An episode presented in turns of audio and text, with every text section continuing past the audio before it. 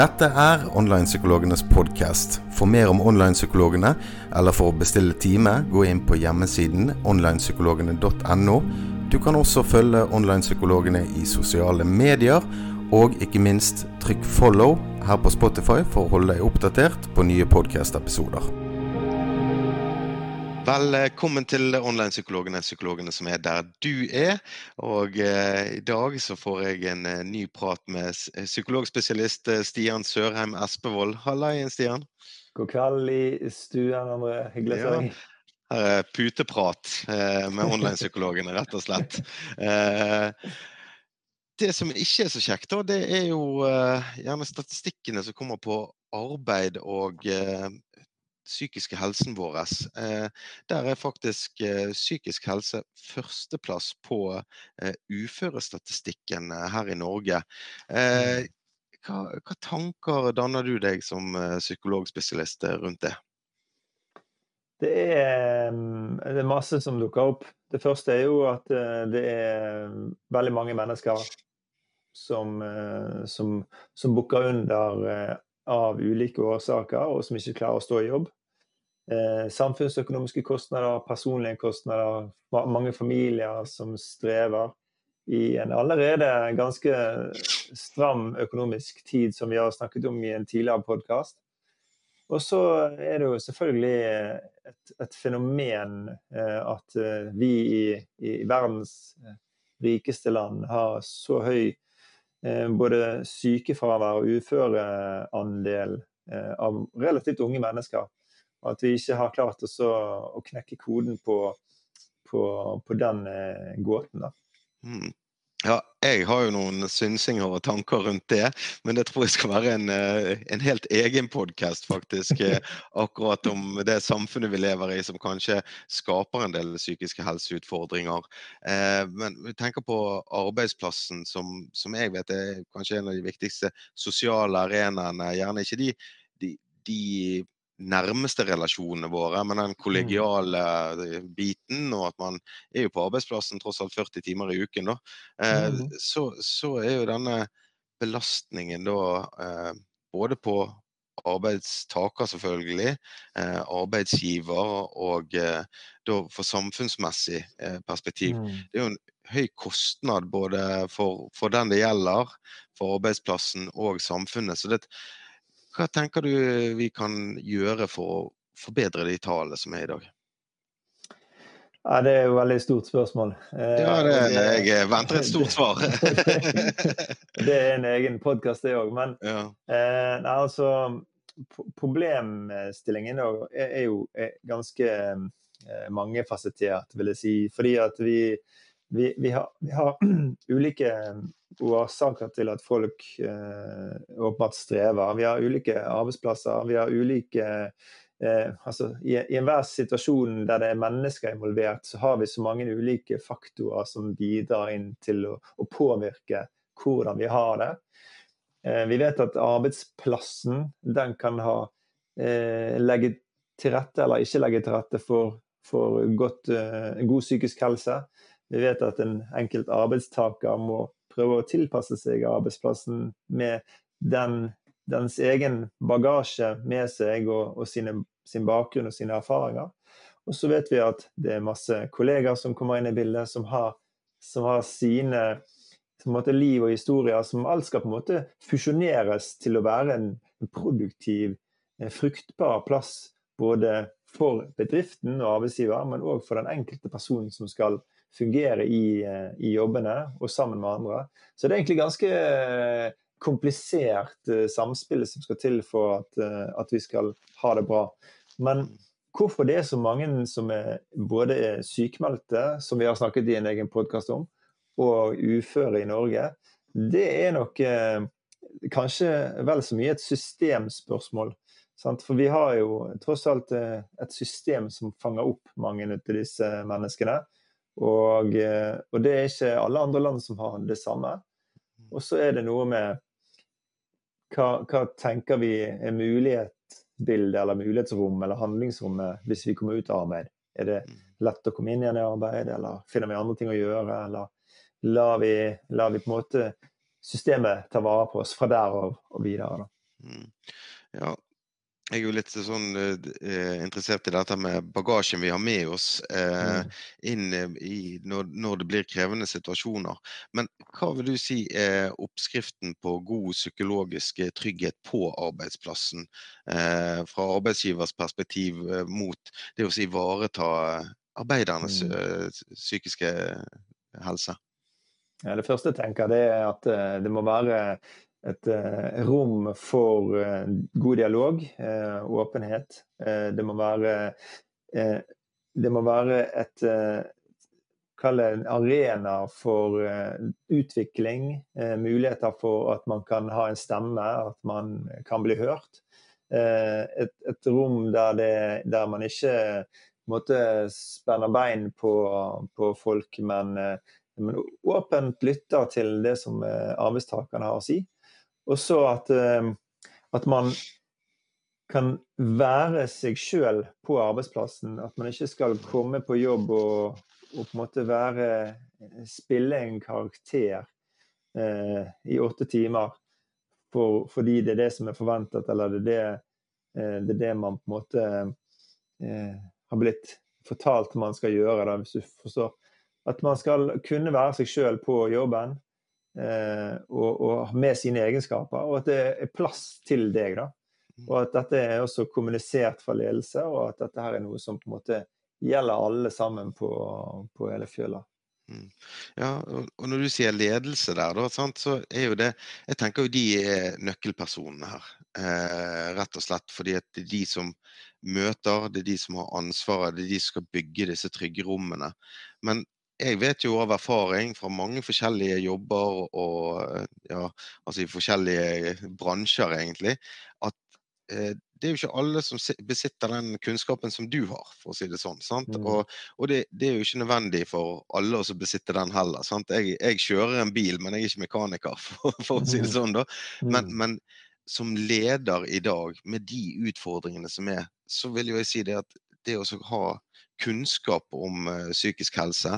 Det å mm. kunne ha den um, ja, konfliktdempende kommunikasjonsmåten, eller den måten å kommunisere på. Altså, det er jo ikke lenger enn jeg har fortalt den historien når du, før jul, eh, når jeg ikke hadde det så bra. Eh, når du spurte bare det der med, med omsorg i stemmen. Eh, vi er jo venner òg uh, utenom, utenom, jobb. Eh, men du spurte det hvordan går det egentlig, André? Og da mm. Sånn, for jeg kunne, jeg kunne, fortelle den innlærte vrien og, og, alt dette her. Men, men, hvordan går det egentlig? Da blir jeg på en måte ansvarliggjort. Og det er jo eh, ja, Det funker gjerne ikke på alle, men det er jo, mm. det er jo bare et eksempel på, på, hvordan vi kan møte på en god måte, der vi faktisk får det til å ja, handle om det det kanskje mm. gjelder. Mm. Det som vi holder inne.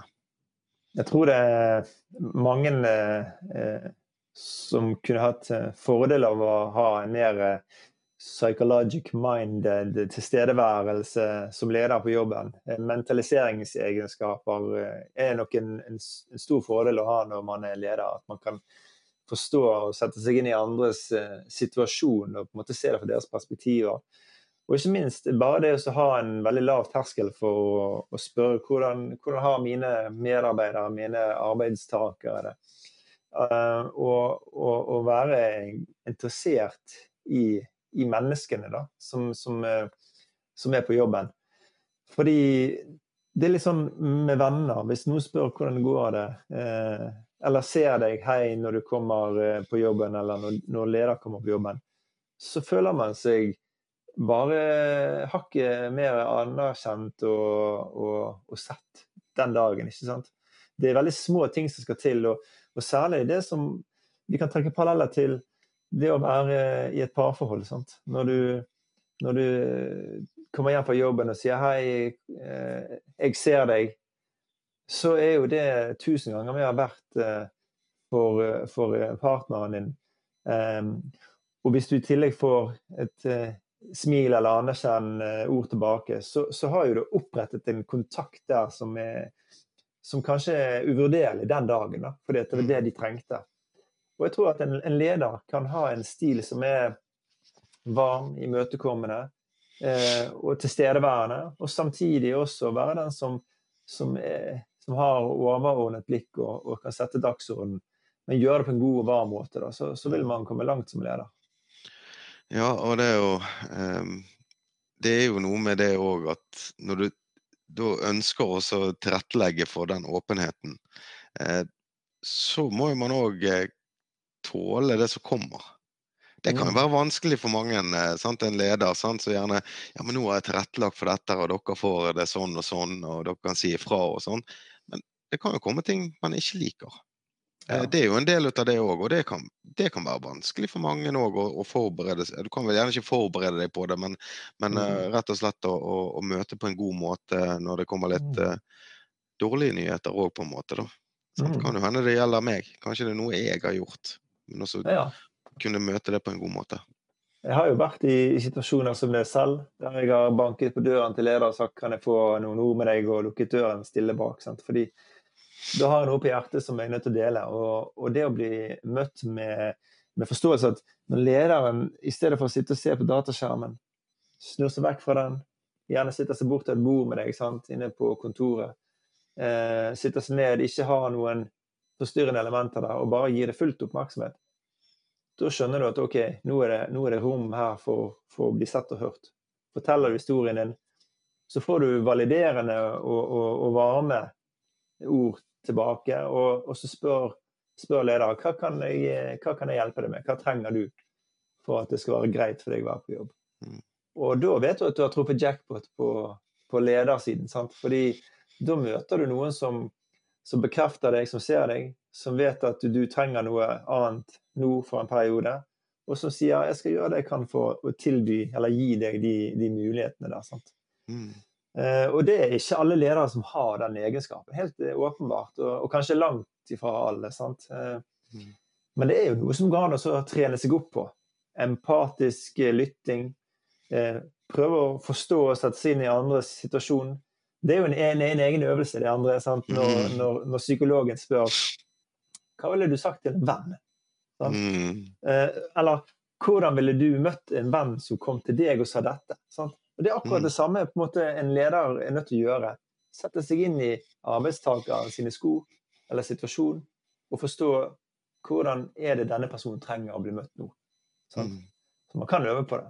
Ja, uh, ja det, det, det, det, tror jeg på òg. Det, meste kan øve seg inn. Sant? Men det er også vise sårbarhet uh, For dette er jo egentlig sårbarhet vi snakker om sant? her. Og, mm. og uh, ja, nå trekker jeg frem et eksempel her eh, med, oss igjen, da. Men eh, det var jo en liten stund siden, så, så, uten at jeg tenkte på det, så gjorde jeg én ting, og så tenkte du en annerledes ting. Eh, og så mm. ringte du meg, eh, og så fikk vi en sånn fin samtale. Og det følte jeg at eh, bygget bånd mellom oss. Mm. Eh, men det, det var òg utvikling i forhold til hvor vi var på vei hen i forhold til det, det prosjektet som vi holdt på med. Og, mm. og, og, det viser jo bare det at eh, når man våger å være sårbar om hvordan man føler det, mm. eh, så møtes jo, møtes jo vi. sant? Men mm. hvis man da ringer og så sier 'hva i helsike er det du har holdt på med nå', dette her finner jeg mm. meg ikke i. Eh, mm. det, det, det, er to sider eh, det, det, er samme sak, man vil det mm. samme, men man ender jo på to forskjellige plasser. Ja. Jeg husker jo, jeg vet ikke hva du snakker om. Så. Ja. Eh, og det er klart at eh, eh Nå vet jo ikke lytterne det, men, men, men, men, når det oppstår situasjoner der man, man er nødt til å clear the air, mm. så kan det fort være emosjonelt ladet. Og, mm. og, det er sånn som man sånn som man egentlig mange leger seg fra å gå inn i. Det er mange som, som kanskje unngår situasjoner der de må ta en konfrontasjon. Og så begynner de å skyve ting, og så begynner de å, å tenke eh, drit, det ordner seg sikkert, eller eh, kanskje, kanskje vi, vi, glemmer det. sant? Men eh, der vet vi òg av, av, erfaring at eh, jo, jo, mer vi prøver å, å undertrykke ting eller ignorere det, sant? der større kraft kommer det ofte tilbake med. Mm. Og da tror jeg at hvis, eh, hvis du har en eh, Hvis du har du kan jo også kan du si Du kan ha en leder, hvis vi bare snakker litt om leder og arbeidsplassen ennå. Du kan også si det at uh, har du en leder som oppfordrer til å, å, ta de konfrontasjonene med en gang? Har du en leder som oppfordrer til å, å, å liksom måtte kalle, kalle spille den ballen, da. Mm. Uh, I stedet for at du skal legge den død og bare tenke at sånn er det. Så tror jeg du òg kan få arbeidstakere som blir mer frimodige, som tør mer, som også um, vil oppleve arbeidsplassen enda tryggere sted å være. Litt sånn apropos uh, en, en, psykologisk trygghet. sant? Mm. Det å føle at her kan jeg si min mening, eller si mine ord eller følelser. sant? Uh, og, og bli møtt på en god måte. Ja. Og det forplanter jo seg videre, tenker jeg. Mm. For hvis du våger å bruke stemmen din, du våger å være mm. deg sjøl i de vanskelige situasjonene, så må vi mm. tenke over på hvis det er en kreativ prosess her, eller man skal i utvikling, man skal fusjonere, eller man skal selge et produkt, eller hva som helst. Hvis jeg våger å være meg sjøl, så kommer den beste utgaven av meg på jobb. Mm. Eh, for det andre er ivaretatt. Det er jo liksom altså, Du skal ligge i disse her lagene eh, for en god prestasjonskultur. Mm. Da er egentlig på en jobb. Det er, jo, det, mm. det, er, jo, det, vi snakker om. og da, Hvis du kommer med, med deg sjøl, eh, så, så, får du ut det beste ut av deg sjøl, tenker jeg. Hvis den, du vet at det er en trygghet i bunnen der. Mm. Ja, helt klart. Og det er både det, det, det er på en måte eh, kall det verdiene på arbeidsplassen og kulturen på arbeidsplassen og menneskene. Sant? Det er jo sånn fint eh, fin eh, ja, blanding da, av ting som kan være med oss og, skape en mer produktiv atmosfære. Og, mm. og, gi en, en følelse av både tilhørighet og, meningsfullhet, og, og, at man kan eh, ha det bra på jobben. Mm, absolutt. Og litt tilbake igjen til det der med undertrykking. sant? For det, eh, Kanskje du kan fortelle litt om hva er årsakene eller diagnosene som gjør at folk kommer på sykefravær og uføretoppen eh, på psykisk helse. Mm. Men begynner det kanskje ofte med at man undertrykker disse behovene? Sånn som du sa litt om i sted. Hvis, du, hvis, det er en som er litt plagsom eller breial eh, og får bare holde på, Eh, så, mm. så, kan det bli mobbing, sant? for man sitter mm. og holder dette her inne sant? Eh, og mm. sier ikke fra. Den andre personen trenger ikke nødvendigvis å mene det, men det er kanskje den måten han uttrykker humor på, men blir ikke korrigert. Men, eh, men, hvis man bare lar dette skli, og så kommer det eksplosjoner til slutt, eller man bare velger at dette klarer jeg ikke mer'. Dette blir for mye. Jeg klarer ikke å gå på denne arbeidsplassen, for det har holdt så mye inne. Sant? Enten kommer det ut, eller så går det innover. Mm. Ja, Det er veldig interessant. Jeg har faktisk erfart det selv, men det var ikke i arbeidslivet og privatlivet. Det å føle at du er med på den uh, joken så lenge at uh, det til slutt uh, begynner å tære på deg. da. Mm. At du, du, du, lirer og du, du, du flirer og, og, og, harselerer litt sånn med prøver å ha litt selvironi. Mm. Så kommer det til et punkt der du kjenner at dette her er ikke lenger selvironi, dette er selvpining eller dette er en form for mm. selvbedrag. dette orker ikke mer. Og så er det dråpen i begeret, og så sier man ifra. og så, så, må man ta konsekvensen av det. Men det kan skje på arbeidsplassen, og det kan begynne med, kan begynne med humor. Det kan begynne med et, en, en, situasjon da, som blir en sånn, sånn greie, og så blir det en sånn gimmick, og så begynner man å og så si det opp igjen opp igjen, hakk i platen. Og så, mm. så tror alle at uh, alle er med på det. Men så er det kanskje en som kjenner at dette er ikke Jeg, ville, jeg syns det holdt for lenge siden. Så, men for at man ikke skal skape en dårlig stemning, så følger man sånn denne flowen og, og, tror liksom at så lenge jeg ler litt av vitsene om meg sjøl, så kan, kan, kan, vi komme fra dette på en OK måte. Mm. Men da er vi faktisk over på, på mobbing på arbeidsplassen. Men det er en veldig u, uklar type mobbing. Det er en mm. mobbing som uh, ikke blir uttalt uh, på en måte i den, i den forstand eller definisjonen vi kjenner, som er på en måte ment for å hake ned på noen eller, eller skade noens rykte eller renommé. Men mm. man tror faktisk at de, at de er med på, på, den leken, mm. inntil det kommer fram at mm. det har det ikke vært egentlig fra begynnelsen av. Ja, og så blir det liksom sånn, Hvis den andre personen da først reagerer Å, hva er det som feiler den? Hva er så gale med den personen? sant? Vi har jo køddet om dette kjempelenge og sånn og sånn. sant? Eh, så det ble bagatellisert i tillegg. sant? Det, det, ja, det, er liksom, det, sant. Ja. Du kunne jo sagt ifra eh, for lenge siden, eh, og, og, du trengte ikke gjøre på denne måten her. Og så får man litt blamen fordi at når jeg endelig står opp for meg sjøl og sier ifra, så, så, så, blir det liksom at da gjør du det på feil måte, eller du kunne gjort annerledes, og, og, ta, og du kunne tatt det på en annen måte. Men, men, men, det er som du var inne på, det, det er noe med at jo, altså du har Vi har våre personlighetstrekk og vår bagasje òg, sant. Mm. Altså, noen mennesker de er, de er, sånne som ikke lar seg pirke på nesen. De, de, sier, de sier alltid ifra, de sier først ifra, og de sier ifra på en ganske tydelig måte. Mm. Og, så har du, og så har du mennesker som aldri sier ifra, som er helt ute i, ute i skauen dårlig på, på å si sin mening på noe som helst. Og det er helt motsatt side. sant? La oss si at du er de motpolene, da. Og så har du mm. store majoriteten, gjerne i midten. Men også de blant de store majoritetene, en veldig heterogen gruppe. Der kan du der kan ha variasjon, og du kan ha mange mennesker som er sånn at ja, men jeg lar det gå noen runder før jeg gjerne prøver å si fra. Mm. Sant? Og, og, eh, selvfølgelig den bagasjen er med å, å styre oss i, i, retning av hva er det på en arbeidsplass som kan være belastende for oss? Hva er det som kan føre meg ut i sykefravær? Hva er det som til slutt kan føre meg inn i en uføresituasjon? sant? Mm. For svaret på spørsmålet ditt, hva er det som gir mest jeg vet ikke om du spurte om det, men Ja, hva, hva er liksom risikofaktorene, da? Hvis du kan ja. si litt om risikofaktorene som gjør at uh, man uh, kanskje er litt i fare for uh, psykisk uhelse, og ja, at dette blir vanskelig. Ja, altså jeg skulle bare si det at toppen av sykmeldingsstatistikken så har du i dag muskel- og skjelettplager. Sykmeldingsstatistikken. Men på andreplass har du psykisk helseplager. Og så hvis du spør deg sjøl ja, hva er det som er psykisk helse, og hva er det som er muskel- og skjelettplager, så vet jo begge de to at de, de går jo hånd i hånd. Mm. Eh, hodepine er ikke bare hodepine, det er stress. Og stress er ikke mm. bare stress, det er undertrykte følelser. Undertrykte følelser er en konflikt osv. Og, så og det er mye greier der som er, henger sammen. Men risikofaktorene for å opp, for ende opp i sykemelding eller, eller bli for dårlig arbeids, for, forhold til arbeidsplassen, mm. det er jo bl.a. Eh, de, de faktorene som angår sosiale miljøer på jobben. sant? Selvfølgelig, vi har sosialt miljø på jobben. Vi har en leder. Det er på en måte de relasjonelle tingene som må på plass. Det kan være utfordrende. Så er det vår evne til å håndtere stresset.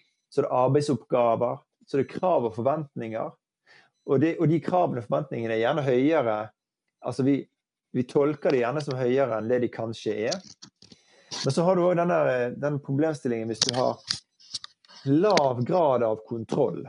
Altså liten grad av følt kontroll i arbeidssituasjonen, om å ta unna jobben, om, å, om arbeid som delegeres til meg, eh, om kompetansen din på arbeidet som jeg skal gjøre, og ikke sant? Eh, og ikke minst og kapasiteten. Altså lav grad av kontroll og høy grad, høy grad av krav til mm. deg. Det er på en måte oppskriften på, på psykisk uhelse på jobben. da. Hvis du ikke har en stemme på jobben din, på en måte. Da er det liksom Hvis ikke du har noe der, hva, hva det heter Autonomi. Ja, så ja. Jeg, kan, jeg, kan, noen fancy ord, jeg òg. ja, ja, liten grad, grad, av autonomi. Men så var det en gang på om det var tidlig 2000-tallet eller om det var 90-tallet eller hva, det var da Posten hadde en stor omorganisering i Norge. Det var mm. mange mennesker som mistet jobben og som ble sykemeldt. Og vet du hva, En stor stor andel av de endte opp i uføretrygden fordi at de mistet jobben. Jeg tror det er så, så mye som 20-30 av alle de som mistet jobben.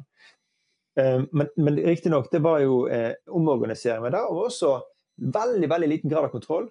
Og så veldig høye krav til de som eh, ble enten omdisponert i jobben og satt til å gjøre andre oppgaver som de ikke hadde forutsatt en kompetanse til å gjøre. Mm. Og Det er jo et eksempel på hvor ille det kan gå. og Det var skikkelig ille det da, den gangen. Mm. Men så oppskriften på å gjøre noen syke det er å sette for høye krav og gi dem for liten grad av kontroll. Mm. Da går de rett i kjelleren, og det er ganske garantert oppskrift. Ja. Ja, det, det, vil jeg si. Da, da, er du bare med du er bare med som passasjer, da, på en måte. sant? Det er jo ikke en eh, god ja, følelse i det hele tatt. Du, du, du henger, henger, etter. Du henger etter på flyhjulene. Det er sånn passasjer du er. Du henger etter i luften. Liksom. ja. Før hjulene skal inn i koppen. ja. Eh, du har sett at jeg har sett litt ned her, for jeg leste et innlegg som jeg kom på nå da, på, på verdensdagen. Eh. Psykisk helse eh, er hjernehelse. sant? Um, Mm. Men det er lege, forsker og forfatter som heter Marte Roa Syvertsen. Og hun sa jo det, altså tilbake igjen til dette her med du sa muskel- og skjelettplager og, psykisk helse. sant? At det er en, Mm. altså For mange år siden oppsto et kunstig skille i med, medisinen. Skille mellom syke og soma, sinn og kropp. sant? Eh, og hun har jo forsket på dette, og hun har funnet en veldig stor, altså at det er en sammenheng mellom dette. og det er det, Vi er vel kanskje at det er bevist, men, men hvorfor altså Psyken vår, hjernen, er jo en del av kroppen vår. Altså, og hjernen er, Mm. styrer jo hele showet, egentlig. Mm. Um, men har man ubalanse mellom hvordan følelsene reagerer på det hjernen sier, da, så er jo man i trøbbel. Når det samsvarer, da er jo man i balanse. Mm. Eh, og hvis man er en av de som er i trøbbel, da, eh, så vil jo det påvirke andre ting. Sant? Altså nakke, skuldre. Sant? Jeg tenker mange Mm. kontorjobber som sitter med Mm. akkurat det du beskriver her, eh, med at Mm. man er bare en passasjer. Man får oppgavene, og så må man utføre. Og that's it. sant? Eh, Så gjerne er det en lønningspils inni der og et julebord, men det, det er liksom der vi er jo høyt arbeidspress, som du snakket om. Store krav, forventninger. Og kanskje man ikke har tid til disse her personalesamtalene, eller, Mm. eller den, også, sånn som du beskrev tidligere i dag, der sjefen din hadde faktisk tid til å bare ligge til side. Ja. Stian, hva tenker du på? Ja. Um, og, og, og dette er det, det Den psykiske helsen vår påvirker jo så mye, mye mer. Mm. Uh, og det er jo kanskje på tide å sette litt på, på dagsordenen. Jeg tenker på kost, bare kostnadene. Hvis man bare skal tenke kroner og øre, så vil jo Mm. bedriftene kunne tjene inn veldig store summer på sin bunnlinje. Mm. Men det er jo også eh, forskning som antyder at eh, arbeidsmarkedet for øvrig er, er mye mer brutalt nå enn det har vært tidligere. Og hvis vi tenker over det, så er det ganske logisk. Eh, For 50 år siden så fantes jo ingen online-bedrifter, det fantes ingen online nettbutikker, det fantes ingen det fa- Altså, byen, f.eks. Bergen by, det var der butikkene var. Kjernen var inne, av butikker var inne i byen. Det var der man dro for å gjøre handel og, og, og gå i butikker. Og så har man jo bygget ut og bygget ut og bygget ut, og man har desentralisert, og man har de store bydelsområdene, og man har de store perifere områdene som hører sentrumsstatus. Altså det er bare overflod av bedrifter, butikker, marked. Eh, det er så mye høyere konkurranse. Og det er dønn umulig å overleve i dette her enorme havet av, av, eh, av, av arbeidskraft og, og, og, eller arbeidsplasser og konkurransevirksomhet, konkurransedrevne bedrifter, uten at man måte skal gjøre noe som måte er bedre enn andre, og man skal være på topp hele tiden. sant? Mm. Så, så arbeidskravene er på en måte som en naturlig egentlig, seleksjon blitt høyere. Fordi at de som klarer de høye kravene, de vil overleve. sant? Mm. Og så altså, jeg bare komme med en digresjon òg. fordi jeg hadde nemlig en fysioterapeut på kontoret mitt forleden. Et annet kontor enn dette for øvrig. Mm. Og han sa, han sa det at eh, Og da skulle vi se på liksom ergo, ergonomisk tilpasning. Så sier han Vet du hva det første han kommenterte? Det første av alt. Altså, jeg har mange planter, og jeg har lyst og fint og ene og andre. Men det, det første han kommenterte, det var verken pult eller PC eller stol eller gulv. Det var sånn Du hadde altfor lyst på kontoret ditt. Mm. Å ja, sier jeg. Hva skal jeg gjøre med det, da? Jeg kan ikke gjøre noe Du må dimme lyset ditt. Sant? Jeg har ikke noe dimmer, sier jeg. jo da, det har du, sa han. Så drog han i en sånn snor. Så dimmet han lyset. Jeg var sånn OK, den er grei. Hvorfor, hvorfor, du, hvorfor henger du opp i det, sier jeg. Så tok han frem en luksmåler. En luksmåler som måler lysstyrken i lys. Mm. Så sier han lysstyrken på kontoret ditt skal være på 500 cirka. Så tok han på min. 1000 pluss i luks. Jeg var sånn der, ja, dette, Hva sier dette meg, da? Nei, Det sier at du har altfor mye lys. Og hva gjør lyset med oss? Jo, det gjør sånn. Mm. Jeg sitter jo med, med, med den her ly, lysringen min her på, Ja. så dette ja. Og vi sitter og lyser. Vi blir altfor eksponert for lyset. Hva skjer når vi lyser så mye? der, sier han. Jo, myser, sier jeg. Når vi Mm. myser, så strammer vi muskulaturen oppi, oppi her. Ja, og så, og så rundt hele Og hele ansiktet, sier han. Der strammes muskulaturen. Og dette her må dere vite, dere som lytter på. Når dere har for sterkt lys, og dere myser for mye, så strammes hele muskulaturen. Og dette går bakover hodet og ned i nakkemuskulatur, for alt henger jo sammen. Så setter det seg som stress i nakke og skuldre. Og da tror vi at det kan være arbeidssituasjon, eller det kan være ergonomiske tilpasninger som trengs. Men så er det egentlig lyset. Helt enkelt, mm. som man er nødt til å gjøre som justering med. Men det var en digresjon. Um, ja, men det er viktig. det. Du må selge inn fysioterapi òg. Jeg tror veldig godt på ja. behandling der. så dette det er Spesielt muskelterapi, da. Ja. Mm. Hadde du et spørsmål først, eller har vi svart på det? det, det uh, nei, nå, nå, nå, Jeg tenkte at nå, det er lenge siden jeg har hatt muskelterapi. Jeg kjenner det i skuldrene mine òg. Eh, men ulike faktorer da, som påvirker mm. på ulike steder i et sånt løp fra å være en produktiv arbeider som koser seg på jobb, eh, til liksom dette å bli sykemeldt og, og sånt. Og sykemelding har jo vi dekket bra inn på eh, mm. tidligere. Eh, men det er også eh, Hva er det som påvirker eh, at man har det bra da, på jobben? Ja, altså, vi har vært inne på autonomi, sant? men dette, vi snakker mye om mestring. Sant? Altså, jeg tenker ja. på eh, jeg har jo funnet ut lenge at jeg gjerne har hatt en forventning for eksempel, om at uh, jeg skal være sånn og sånn. F.eks. Mm. som leder. Men som mm. leder så brenner jeg meg ut, for og da vil jeg bare ja, ja, ja. Og så vil jeg være altfor medgjørlig gjerne. Sant? For du må jo mm. ha en viss kynisme inni det. Uh, men akkurat der, i, i møte med mennesker, så så vil jeg gjøre for mye. Sant? Jeg blir for, mm. for pleaser, sant? så sliter jeg meg ut, og så begynner jeg å påta meg flere og flere oppgaver. Eh, mm. Eh, og gjerne i jobber som jeg kanskje ikke har nødvendig Altså jeg takker ja til oppgaver, f.eks., som, mm. som, som er litt over over my pay grade, på en måte.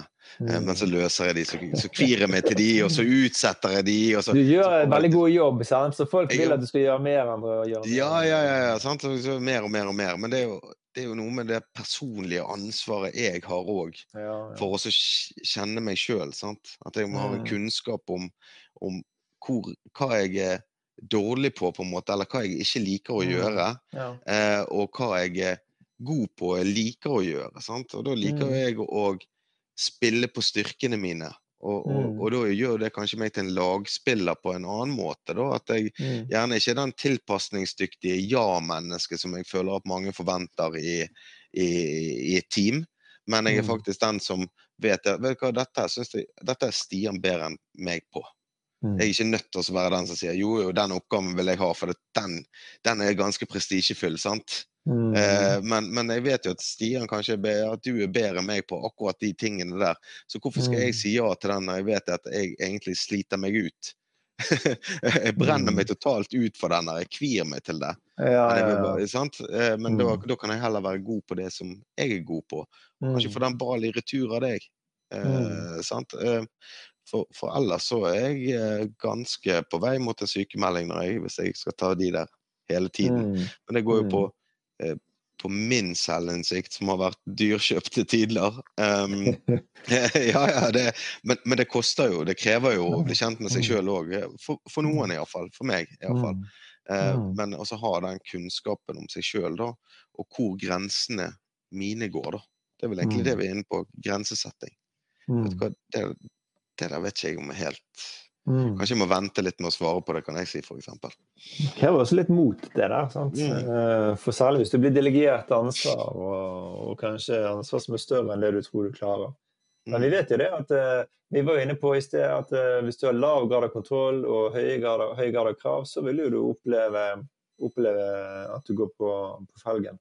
Men hvis du har høy grad av kontroll og høy grad av krav, så vil det være rom for utvikling og, og, mm. og positiv, positiv, fremdrift. Men det er klart at du skal oppleve du skal sitte igjen med mestringsfølelse, som du er inne på. Sant? Altså Føle at man faktisk presterer her på noe som man har både enten kompetanse på, eller man, man, eh, man er interessert i å jobbe med. Og får du mestring i en arbeidsplass, så er det også veldig positivt for både selvtillit og egenverdien. Sant? Jeg, jeg har noen egenskaper, og jeg får til noe jeg har en verdi. Sant? Vi sammenligner oss med andre, og vi sammenligner oss med vi, vi ser jo på en måte på jobben vår eh, som noe som kan eh, være veldig drivende for vår, vår, vår egenverdi. Sant? At jeg mm. mestrer en jobb. Sant? Jeg har en jobb jeg mestrer. Det er veldig viktig for oss.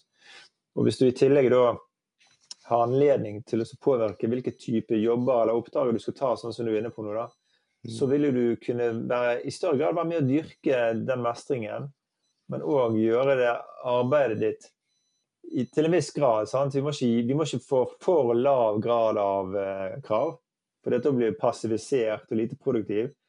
Men at vi er nødt til å være Vi må nødt til å, eh, å, å, å måtte bli utfordret også. Mm. Hvis vi kun gjør ting som er måtte faller oss eh, beleilig, og som, uh, som, vi kan ta når vi, når vi ønsker det omtrent, sant? så vil jo vi oppleve at uh, mine kapasiteter blir ikke skikkelig brukt. Det kan bli enten monotont arbeid, for vi gjør kun det vi ønsker å gjøre. Og det kan bli lettvint, og du kan miste litt interessen. Fordi at mm. det, det blir litt sånn som skole, opplyste skolebarn som får på, på enkle matteoppgaver. Sant? At de, mm. de, er så veldig dyktige, men til tross for at de er så dyktige, så blir de kjedet av skolen, og så risikerer de å falle utenfor. Sant? Mm. Så må vi ha en tilrettelegging der òg. Ja, og det der er jo litt merkelig, sant? for da er du inne i, i denne komfortsonen. Men, men, den eh, er jo ikke så komfortabel egentlig, sant? for det er noe med det der minste motstands vei. Og da, mm. da tenker jo mange eh, på en måte òg kanskje gror fast, sant. Av mm. forskjellige grunner. Ja, dette er ja, men jeg har jo det greit her. Det er sånn det mm. alltid har vært. Og, og, og så Ja, og etter hvert som man blir der for lenge, så det er jo mm. litt sånn hvis man er deprimert og blir sittende inne, så man har fått i utenforskap, eller altså mm. Det er liksom denne her eh, Ja, hvis du ikke får krav, eller du vil utvikle seg, så er det lett for oss å falle av, da. F.eks. hvis det er en overgang, sånn som du nevnte i posten der, sant? så forsvinner mm. alle ut og gjerne vært der i 30 år og gjort det samme og, og, sånn. Sant? Eh, for det er ikke lett å sette i gang da med noe. Og, og, man kan ende i bitterhet òg. Ja, ja, Eller anger. ja. Men en ting som jeg glemte, og som er kanskje vesentlig og vel så viktig, er jo belønning òg for et sted. Mm. Og Da er det mange typer belønning. sant? Den mest kjente belønningen som du og jeg kjenner, og alle andre, det er jo lønnen vi får den 12. eller 14. i måneden. sant? Når den lønnen står i stil med arbeidsoppgavene våre, så er det klart at da, da synes vi det er, er greit å gå på jobb. Men hvis vi opplever at vi enten sammenlignet med andre igjen seiler akterut lønnsmessig eller at andre bedrifter i samme segmentet har helt andre vilkår enn det vår bedrift har, så vil man oppleve at man føler seg snytt for noe. Man føler gjerne at uh, man blir ikke like verdsatt, og man begynner å bli demotivert, rett og slett pga. de økonomiske insentivene. Men så har du også andre insentiver sånn som ikke handler om lønn, men som er belønning. Sånn som er ros og oppmerksomhet, som er positiv anerkjennelse, som kan være vel så viktig, men ikke i lengden. Fordi mm. at du er nødt til å ha en viss inntekt fordi at vi har høye utgifter. Og kravet og forventninger fra samfunnet at du skal tjene, tjene en viss sum penger i en viss type jobb òg etter hvert. sant? Mm. Men, men, det er klart at positiv anerkjennelse er kjempeviktig for den, den personlige veksten vår. sant? Altså Hvis noen kommer til deg og sier du gjør en utrolig god jobb Og jeg har hørt fryktelig mye skryt av deg, André, i noen som er fora-prosjekter vi har vært med i. Og noen ganger så sendte vi videre til deg og sagt at du, du, får så masse klapp her, og det er så kjekt å høre. sant? Og, og da tenker jeg at eh, det er viktig for deg å høre. Mm. Og, og, når jeg får høre det samme av noen andre Jeg må bare si en ting, litt selvskryt her. Jeg, jeg tar en sånn videreutdanning eh, om dagen. Jeg er i Oslo eh, en gang i måneden. Så snakket jeg med en til disse medkullingene mine på Gardermoen på vei hjem mm. til Bergen. Og så snakket, kom jeg inn, på, inn på, på, dette med å være i utdanning og det ene og det andre. Så sier, så sier eh, denne personen eh, at hun syns jeg var den beste i kullet. Og hun sa helt seriøst jeg syns du er den beste i hele kullet. Og jeg, Hands up to me, to me. Hands up to me. Det var veldig hyggelig å høre. Jeg kjente jeg ble smigret, og det var veldig hyggelig. Eh, og, og, det er sånn som gir deg en personlig, en personlig vekst òg. Mm. noen, noen, ser deg. Sant? Og jeg hadde ikke tenkt på det på samme måte, åpenbart, men mm. det var kjekt å høre. Ja, Så belønning er veldig viktig også, tenker jeg. Det, mm. det var det som var poenget. Absolutt. Uh, hvis du nå, eh, nå nærmer vi slutten her, hvis du kan oppsummere da, sånn ca. to minutter på hva som er viktig, da, og hva som kommer å være viktig for å forebygge, eller uh, for å kunne se seg sjøl eh, i forhold til sin psykiske helse. da. Uh, rundt arbeid. For dette er jo Jeg tror jo ingen vil bli ufør.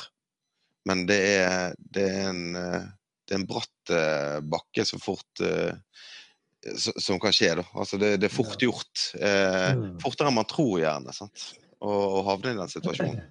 Ja, det er mye som skal prøves før man vil bli ufør, tenker jeg. Og det, og det som er Jeg har ikke sagt det, men en del av oppsummeringen handler om at hvis du trives på jobben din, hvis du ser frem til å dra på jobben din, og du, du kjenner at på jobben er en plass du kan være deg sjøl, du kan ha det bra på jobben din, så er det et veldig veldig, er det en god og viktig følelse ikke sant, for at du skal kunne ha et godt liv arbeidsplass, på arbeidsplassen. Mm. Hvis du har kollegaer som du kan snakke med, som du kan spøke med, og så du kan ta en pause fra jobben med, selv om du er på jobb, altså kaffepauser og lunsjer og lignende, så er det veldig bra for, eh, for deg og arbeidslivet ditt. Mm. Og hvis du har en leder i tillegg som, som har en viss raushet eller varme eller genuinitet, og som kan møte deg og se deg, så er du kjempeheldig, tenker jeg. Da har du masse positivt på, på relasjonssiden. Hvis du i tillegg da har føler at du kan være med å påvirke arbeidshverdagen din, du har et sett med oppgaver du kan gjøre eller skal gjøre, og du føler en grad av kontroll i, i hva er det jeg velger å gjøre først, eller en grad av prioritering eller lignende.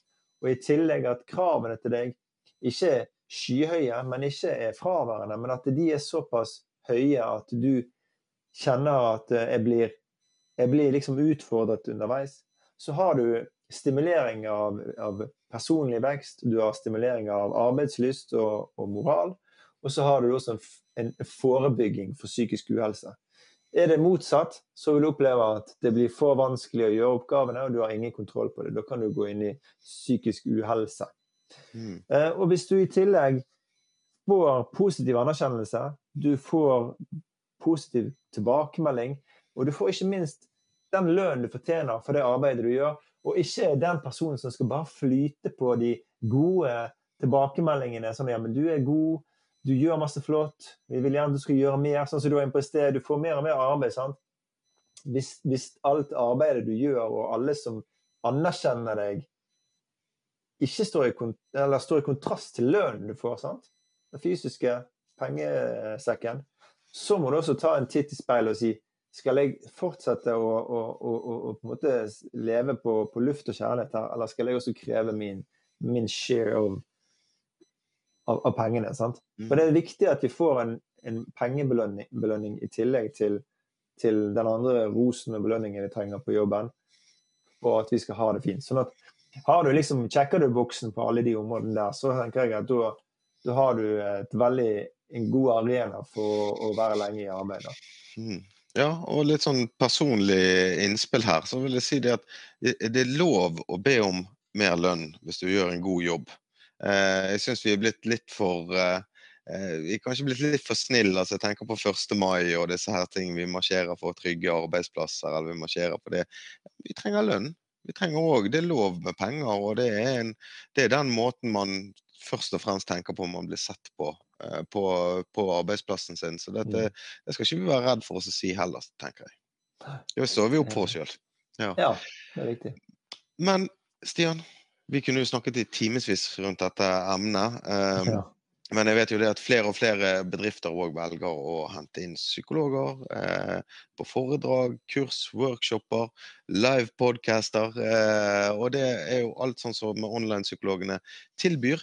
Eh, og, eh, og, lederoppfølging, f.eks. For, for det er jo noe med å kunne ha dette her med seg inn i arbeidet, iallfall i forhold til de utfordringene vi står i i samfunnet i dag. Så her er jo det bare å sjekke ut onlinepsykologene.no. Følge online-psykologene på LinkedIn, YouTube. Facebook, Instagram og eh, hva mer har vi? Eh, ja, på alle sosiale kanaler. Eh, og trykk follow, selvfølgelig. Sant? På Spotify mm. så får du opp de siste episodene etter hvert som vi slippes.